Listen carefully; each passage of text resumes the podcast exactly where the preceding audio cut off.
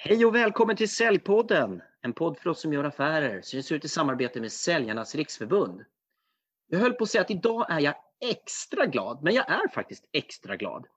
Eh, för att med mig idag har jag en gäst och vi har planerat att göra det här länge, men eftersom han slår rekord på rekord så har vi haft svårt att få till en inspelningstid. Men idag sker det. Jag har med mig Adam Faromand från Unik Fastighetsförmedling. Välkommen!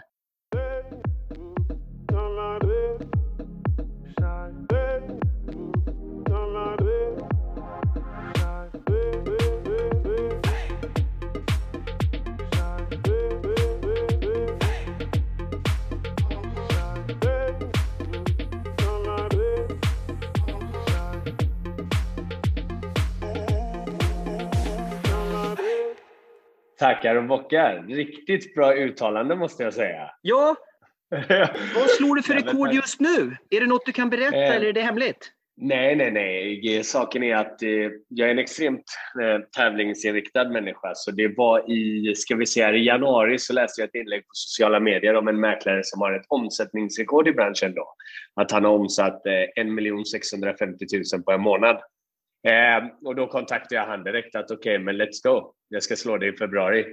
Mm. Lite förhastat, det är en kort månad, men eh, det har gått bra. Vi har fyra dagar kvar. Mm. Och är du nära?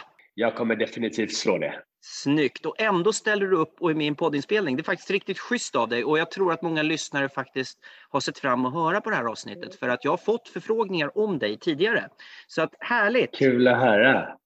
Kan du inte berätta det lite om dig själv för de som inte följer dig i sociala medier eller köper bostäder av dig? Vem är du? Ja, nej men Adam heter jag, 34 år gammal, eh, ursprungligen från Iran. Kom till Sverige när jag var ungefär en, två månader, så jag är nästan born and raised här. Kommer från Göteborg. Flyttade upp till Stockholm för cirka sju år sedan med mindsetet att göra en förändring i mitt liv.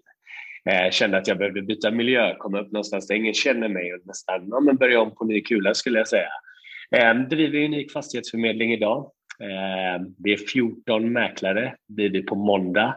Personalstyrka på 18 stycken. Eh, öppnade bolaget, ska vi se här, 2017 oktober fick jag nyckeln. Men är inte det här en enorm resa för att vara eh, ett bolag inom fastighetsmäkleri så att säga? Jo, men det har gått bra. Det har gått bra definitivt. Det får man vara tacksam för. Eh, Det har varit en tuff resa, en rolig resa eh, och en lärorik resa skulle jag säga.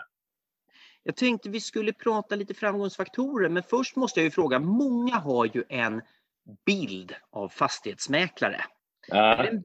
Vad, vad var din bild av fastighetsmäklare innan du gav dig in i yrket? Hade du någon? Nej, och jag tror det var det lite. Saken är, jag kommer ju från träningsbranschen med, eh, ja, med väldigt bra positioner. Allt från platschef, Sverigeansvar, regionsansvar. Jag jobbade som personlig tränare tidigare. Så att jag kom till en nivå någonstans där jag kände att jag inte var stimulerad med. Det fanns liksom inga mer rekord att slå. Jag har alltid drivits av siffror. Mm. Ehm, och så skulle jag anlita en mäklare. Det var så det hela började egentligen. Och alltså reagera starkt på processen. Det var ju ren ordermottagning. Ehm, de, de har ju haft en sån stark produkt. Alltså om vi går tillbaka till, i tiden. Det här är ju den enda branschen som har haft en uppåtkurva konstant. Alltså min mamma berättade när vi kom till Sverige att en lägenhet kostar 100 000 kronor. Så att eh, jag kände bara att oj, här kommer jag kunna göra ett markant avtryck. Och jag började kolla upp de bästa i branschen och se lite hur de jobbade och kände bara att det fanns så mycket brister. Mm. Vad är de främsta bristerna du såg när du gav dig in i det här? Eh, ja, men det, man, man mötte inte utbud och efterfrågan utan man var ju mer så här att man tar bilder på en lägenhet och så lägger man bara ut den. Så här, det första jag reagerade på när min mäklare sa till mig att men vi kommer fota det här datumet och så kommer det vara visning det här datumet. Jag var så här, hur vet du det? Han Mm. bara, vadå? Jag bara, men hur ser utbudet ut då? Det vet vi ju inte. Han bara, alltså vi kollar inte sånt. Nej. Så han bara, vi går bara ut lågt så kommer en massa folk. Jag bara, varför går vi ut lågt? Alltså det låter ju jättekonstigt. Ehm, så det var dels en grej. Och sen märkte jag då när jag skulle köpa lägenhet att man behöver inte vara tillgänglig. Alltså så här, om jag ringde en mäklare och ville se en lägenhet så var hon så här, ja men det är visning om sex dagar på söndag. Jag bara, men jag vill ju se den idag. Mm. Hon bara, ja, fast det är visning om sex dagar. Jag bara, men är du inte rädd att tappa mig? Hon bara, nej då kommer det väl någon annan. Så jag bara, okej. Eh, Så det var lite sådana aspekter. Eh, den har inte, det, det, har inte funnits någon säljkultur. Det har ju varit rent så här, om du ringer och vill komma på visning på angiven tid så får du se lägenheten. Liksom. Jag tänkte du skulle få berätta lite om dina framgångsfaktorer för att jag tycker någonstans att det är väldigt tydligt att det har gått bra för dig och då finns det mycket Tack. att lära. Och många som lyssnar på den är business to business-säljare. Och jag tror att en business to business-säljare inom IT eller industri eller vad som helst faktiskt skulle kunna lära sig ganska mycket av en person som arbetar på det sättet du gör. För jag har tittat väldigt mycket i sociala medier också på mm. videoklipp du har gett ut och så vidare. Men jag vill reflektera över en sak. 2010 sålde jag en lägenhet med en fantastisk mäklare verkligen. Som gjorde ett fantastiskt första intryck och jag har pratat om det här tidigare, men han gjorde också ett fantastiskt sista intryck när han skulle lämna mig när han hade fått den här affären. Han sa det här ska bli roligt Ken, jag, jag ska verkligen göra allt. Och sen fick han tillgång till min lägenhet i två veckor. Jag åkte ut på landet och han fick visa den där precis när och hur han ville. Det var den bästa affären jag har gjort och roligaste i hela mitt liv. Han var så Kul. taggad och han var så flexibel. Uh. Men det var den första och den enda som jag på riktigt stött uh. på som agerat på det sättet. Och det är väl lite det du lyfter med utbud och efterfrågan. Uh. Mm. Ja, nej, men definitivt. Och sen är det så här, man måste vara passionerad för det här yrket. Det är en livsstil. Mm. Det är viktigt att tänka på. Så här, om du blir fastighetsmäklare så måste du acceptera det. Annars kan inte du lova dina kunder att du gör allt i din makt.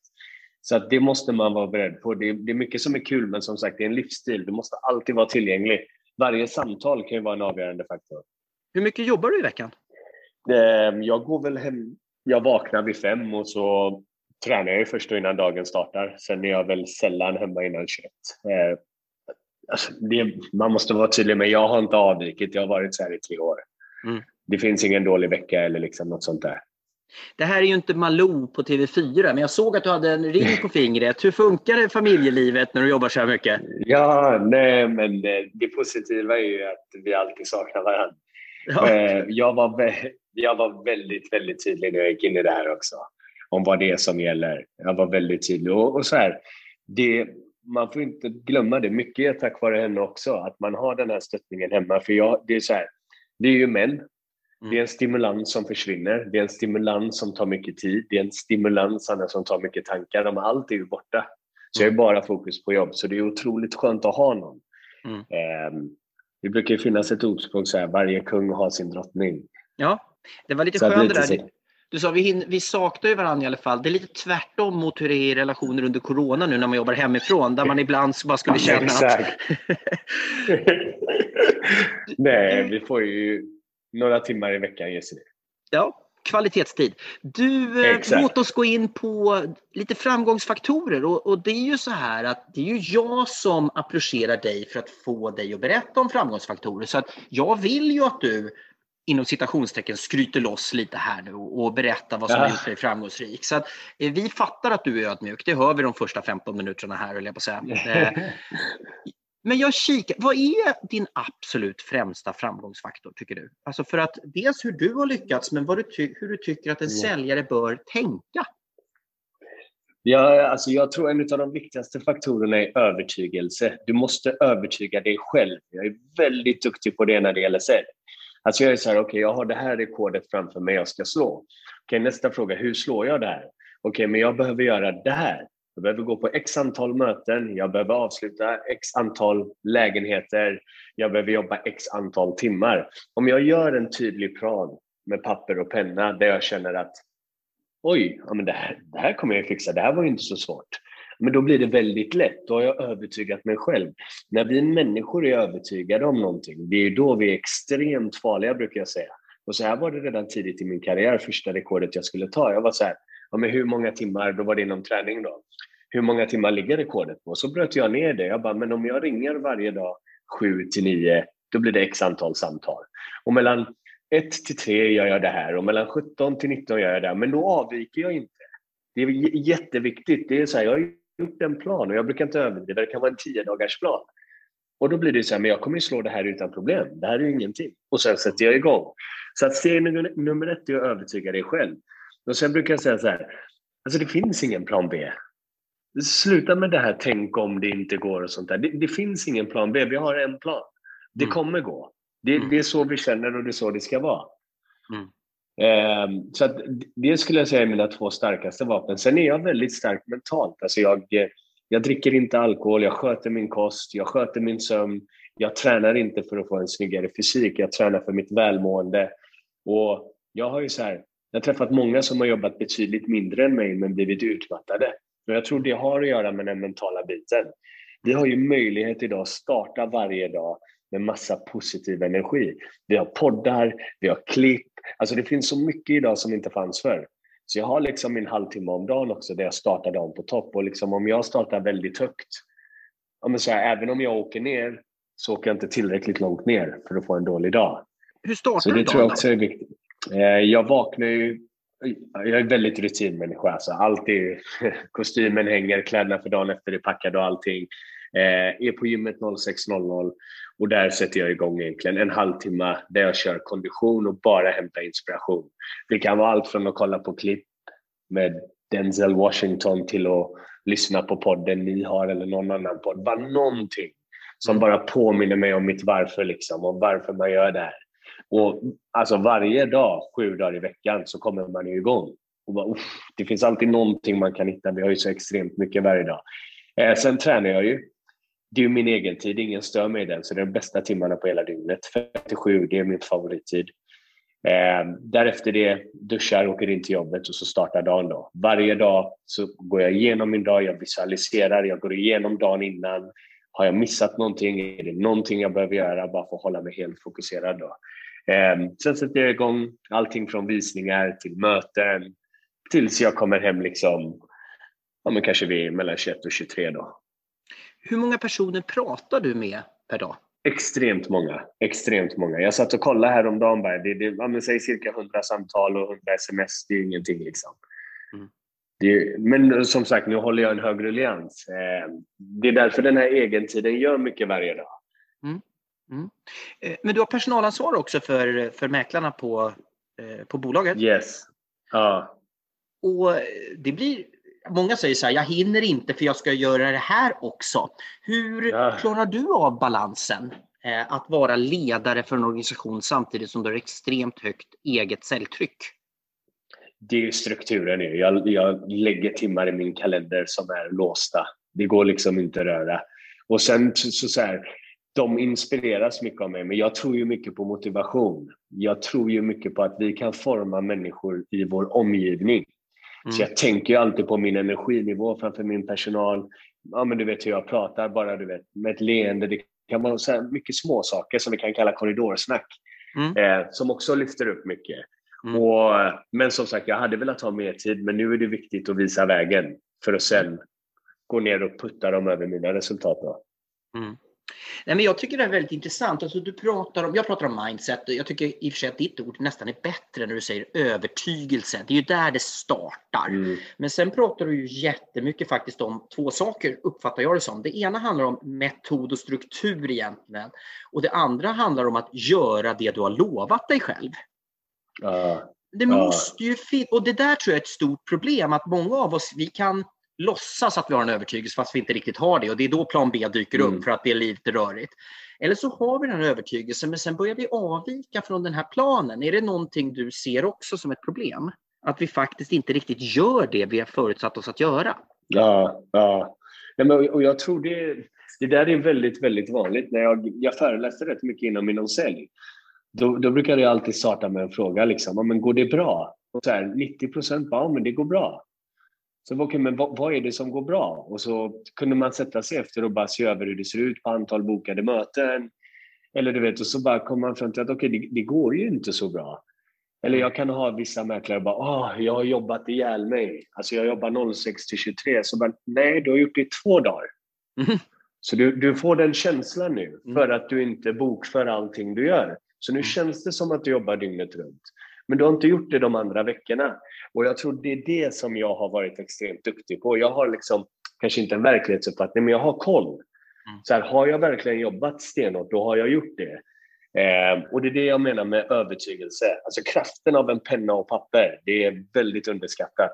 Och Det är många som inte gör det. Man har det här, säger man. Men det, det funkar inte riktigt så. Jag håller helt med. Du måste skriva ner de här grejerna. Jag vet inte hur ofta jag hörde att jag jobbar 70 timmar i veckan. Och när jag matematiskt försökte förklara vad 70 timmar i veckan innebar, att det handlar om 10 timmar, du måste gå upp klockan 7 och du slutar eh, 18 med, med liksom eh, en timmes lunch. Då bara, nej men det kanske inte på söndagen riktigt och kanske inte på lördagen och där tränade jag på onsdag. Alltså, så blev det bara 48. Och problemet med det är inte att du bara har jobbat 48 eller har jobbat så mycket som 48. Det är att du mentalt har trott att du har jobbat 70. Ja. Ja. Om man inte når Exakt. sina resultat när man tror att du har jobbat 70, nej men då, kommer ja. aldrig, då, går man ju, då blir man ju stressad och knäckt. Ja, exakt så är det. Jag håller med dig, instämmer. Och det, jag får höra mycket av folk säga bara, men alltså Adam, du säljer tre gånger så mycket mer än mig och jag jobbar dygnet runt. Mm. Jag bara, fast du jobbar inte dygnet runt. Nej. Och det, det, där, det jag tror du säger egentligen är så här, det är inget krav på att någon ska jobba dygnet runt eller någonting. Men man måste Nej. jobba hårt, man måste ha en övertygelse. Men man ska inte tro att man gör någonting som man inte gör. Nej, nej. Jag brukar säga det handlar inte om att bara gå innanför dörren till arbetsplatsen och gå ut. Det handlar ju om vad du gör alla timmar. Mm. Och liksom så här, är du ledig fyra timmar över dagen och visar en lägenhet på kvällen, då har du inte jobbat hela dagen, till exempel. Så övertygelse och tråkigt eh, liksom, time management, men ändå det det handlar om. Det är två faktorer. Ja. Men sen har jag kikat på lite videos med dig och ja. gjort egna reflektioner. Och eh, mm. en handlar ju om fyra ben ja. som du jobbar med. Kan du berätta om de fyra benen? Vad, vad innebär de? Ja, men det, det är en säljprocess jag använde när jag sålde personlig träning. Och personlig träning tycker jag är bland det svåraste som finns att sälja, då, i och med att du säljer det själv. Du, du, du ska ju utföra träning liksom. Och jag själv var ju lite så här, ska du betala 30 000 för att stå och räkna repetitioner? Eh, många hade den uppfattningen och då, då, tog jag fram en modell som, det tog lång tid, det tog lång tid, men som både Sats och Actic använde till slut. Och den går ju ut på att man bekantar sig först. Eh, det är viktigt att veta inom sälj. Det är svårt att säga nej till någon vi tycker om. Mm. Så här, det slår erfarenhet alla dagar i veckan. Att jag kan komma in i branschen och prestera helt okej, okay, det är ju för att jag är duktig på relationer. Jag har ju noll erfarenhet. Så att det är viktigt att veta att det är svårt att säga nej till någon vi tycker om. Så att hela den modellen går ut på att man bekantar sig med kunden. Alltså att du ställer följdfrågor och det kan vara att jag frågar dig om en så enkelt som vad jobbar du med? Ja, men jag jobbar som snickare. Ja, men vad kul, hur länge har du gjort det? Hur kommer det sig att du blev det? Mm. Och så bara bygger jag på, bygger jag på. Det slutar med att jag får frågor tillsammans. Men nu skapar vi en relation. Mm. Så att det går ut på det egentligen. Sen går det ut på att ta fram behoven. Och i min bransch då, då är det liksom att ja, men jag frågar inte om du vill sälja din lägenhet. Jag frågar ju vart du vill bo när den är såld. Så jag hoppar till ditt nästa boende. För det blir mycket svårare för dig att säga till mig att du inte vill sälja när du har berättat att du vill bo större, högre upp, ha en balkong, ett extra rum. Så att vi gör en behovsanalys. Och det här Tredje handlar ju om när du pitchar på att faktiskt få sälja någons lägenhet. Ja, nej till exempel ja. ja. Istället för att gå in på bostaden direkt, så många mäklare kommer in genom dörren och är direkt så här, ja men vad har du gjort för renoveringar, vad är den värd? Jag kanske kommer in och skapar en relation och pratar om ditt nästa boende. Mm. Um, och sen då kommer det till att bevisa då som blir det tredje bet, ja, men bevisa varför vi ska göra det. Och sen har vi nummer fyra som är beslut. Många säljare idag tappar ju på att man inte tar beslut. Ja, men vad tycker du? Ja, men vadå, vad tycker du? Det är jag som är experten. Jag tar ju beslutet om hur vi ska göra. Mm. Eh, och jag brukar säga att har man en modell och det brister någonstans, ja, men många säger Adam, jag tycker avslutet är jättejobbigt. Det är inte avslutet som är jobbigt det är kunskapen, produktkännedomen som är för svag som gör att avslutet blir jobbigt. Har vi en modell då är det mycket lättare att utveckla. Så, men då får vi gå, gå tillbaka kanske till behovsanalysen eller bekantskapen, för då kommer avslutet. Mm. Så att eh, jag har alltid haft en modell, alltså ett sätt för så här, om inte du anlitar mig eller om inte jag lyckas sälja, då behöver jag göra en förändring. Har jag en mall, då är det mycket lättare för mig. Mm. Eh, jag tycker det är lite intressant för att det heter ju avslut för att det kommer i slutet som följd av andra saker som har kommit innan. Vilket ja. gör att du måste ju vara dukt, du måste ju vara baktungt duktig Alltså har ja. du inte börjat med att bygga den här bekantskapen, nej men det är klart, då blir det svårare kanske att identifiera behov för du kanske inte ställer samma frågor som du hade Exakt. ställt om bekantskapen hade varit stark. Exakt. Är, det, är det så Exakt. du tänker i det här?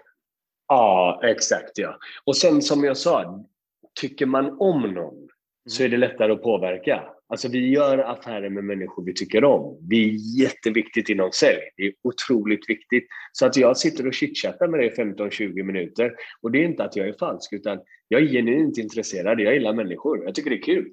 Ja, men alltså, jag vet inte hur många människor jag träffat som är journalister. Ja, men fan vad kul, hur kommer det sig att du blev det? Alltså, ni, du är ju en snitch, hur funkar det? Och så börjar vi garva och så du vet. Eller men jag är advokat, fan vad kul, jag tittar på Suits. Mm. Fan, jag hade velat bli advokat. Hur är det egentligen? Hur kan en dag se ut? Mm. Ja, men nu skapar vi en relation. Beslutet blir svårare för dem att fatta när de tycker om mig. Det är så vi fungerar. Du skapar ett förtroende liksom. Och det här är lite intressant för att det tog ju 14 sekunder ungefär för mig i det här samtalet att förstå att det du säger nu, det är genuint. Att du faktiskt ja. är intresserad, för det kände jag när vi började eh, chitchatta innan den här podden som gick i hisklig hastighet när vi skulle dra igång det här. Ja. eh, för det sitter ju personer där ute som ja, men på riktigt inte är intresserade. Utan som mm. Hur gör man då, då? Kan man vara säljare om man inte är duktig på att bygga bekantskap? Det är en hård och svår Nej. fråga. Nej, men det är svårt. Det kommer vara svårt. Det är den viktigaste delen tycker jag, helt klart. Och det är där många brister idag. Eh, det, det, är klart det går, men det är svårt. Så här, utveckla din bekantskap så kommer det bli en helt annan grej. Det kan jag garantera. Det är, det är steg nummer ett och det är det viktigaste tycker jag. Mm. Och det tycker jag är så roligt, för jag säljutbildar ganska mycket och då vill alla ha, de vill ha de här fyra råden hur man blir framgångsrik och jag vill alltid börja ja. med mindset eller övertygelse och jag vill prata om det här med nätverk och bygga relation. Och folk bara, men jag vill ju ha de här ja. konkreta tipsen på avslutstekniker. Och ja. Fast om det andra inte finns så kommer du inte komma fram dit. Helt enkelt. Exakt. Man kommer inte vilja ha ditt avslut utan då Nej. blir du den här pushiga personen som du inte vill vara. Eller, ja. eller som du kanske är. Det, så kan det i och för sig ja. vara. Då, då. Mm. Ja. Nej men exakt så är det.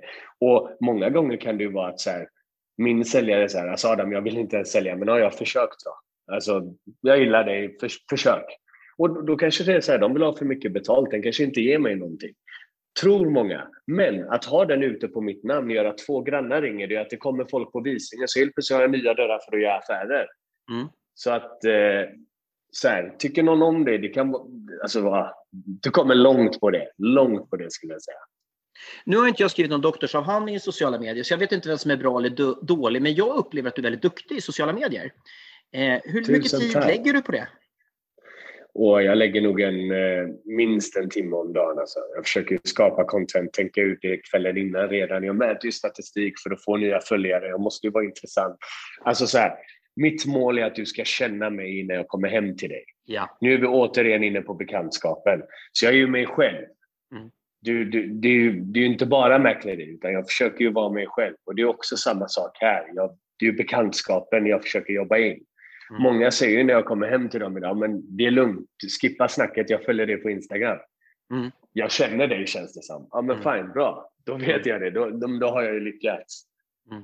Och jag tänker det att, eh, så uppfattar jag det, jag, jag, känner inte dig på djupet, men, men jag uppfattar att du, du nämner ordet äkthet och vad man ser i sociala medier är det du det man ser. Och mm. när vi skulle spela in den här podden så sa du bara så här, nej men det spelar ingen roll, jag kan svara på allting. Och det svarar ja. ju personer också som känner sig ganska trygga med att de är sig själva.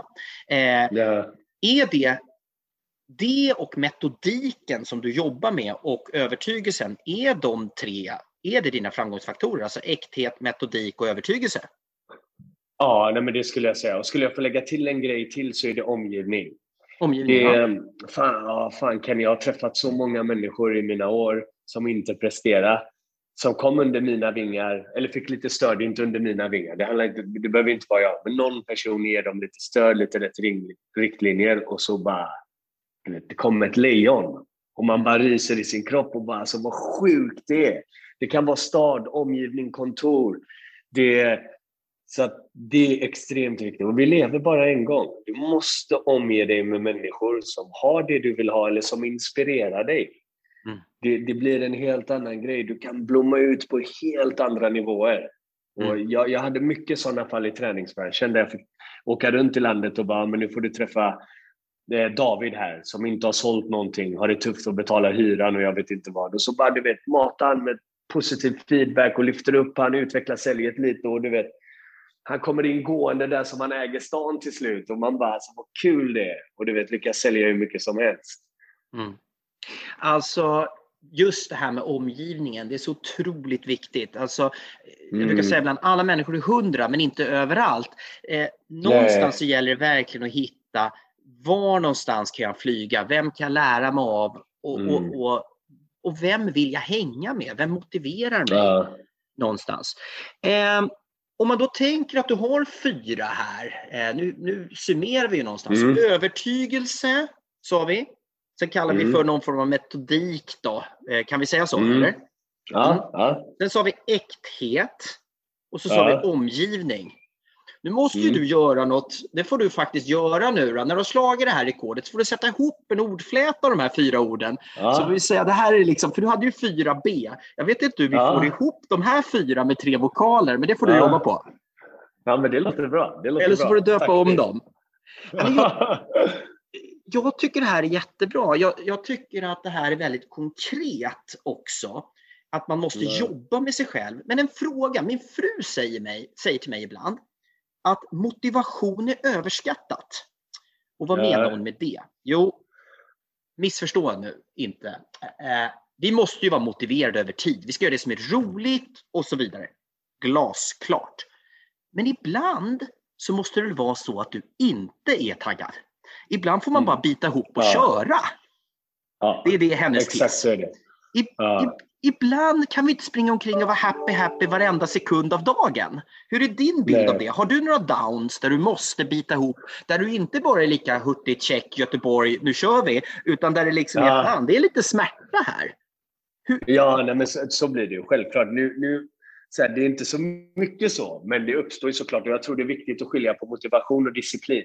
Ja. Disciplin är ju det starkaste vi har. Disciplin. Du måste vara disciplinerad. Du kommer inte vara motiverad. Hur, mm. hur, ska du vara det varje dag? Då kommer du aldrig lyckas. Du måste vara mm. disciplinerad. Du måste bygga rutiner. Mm. Det är det viktigaste skulle jag säga. Mm. Så att motiverad varje dag är svårt, men disciplinerad kan vi vara. Det är Då lägger vi till. Avvika. Då lägger vi till det där D så blir det fem stycken. Det blir lättare för oh. dig att göra en liten ordfläta ja, ja, ja, av det, för då har du två konsonanter med.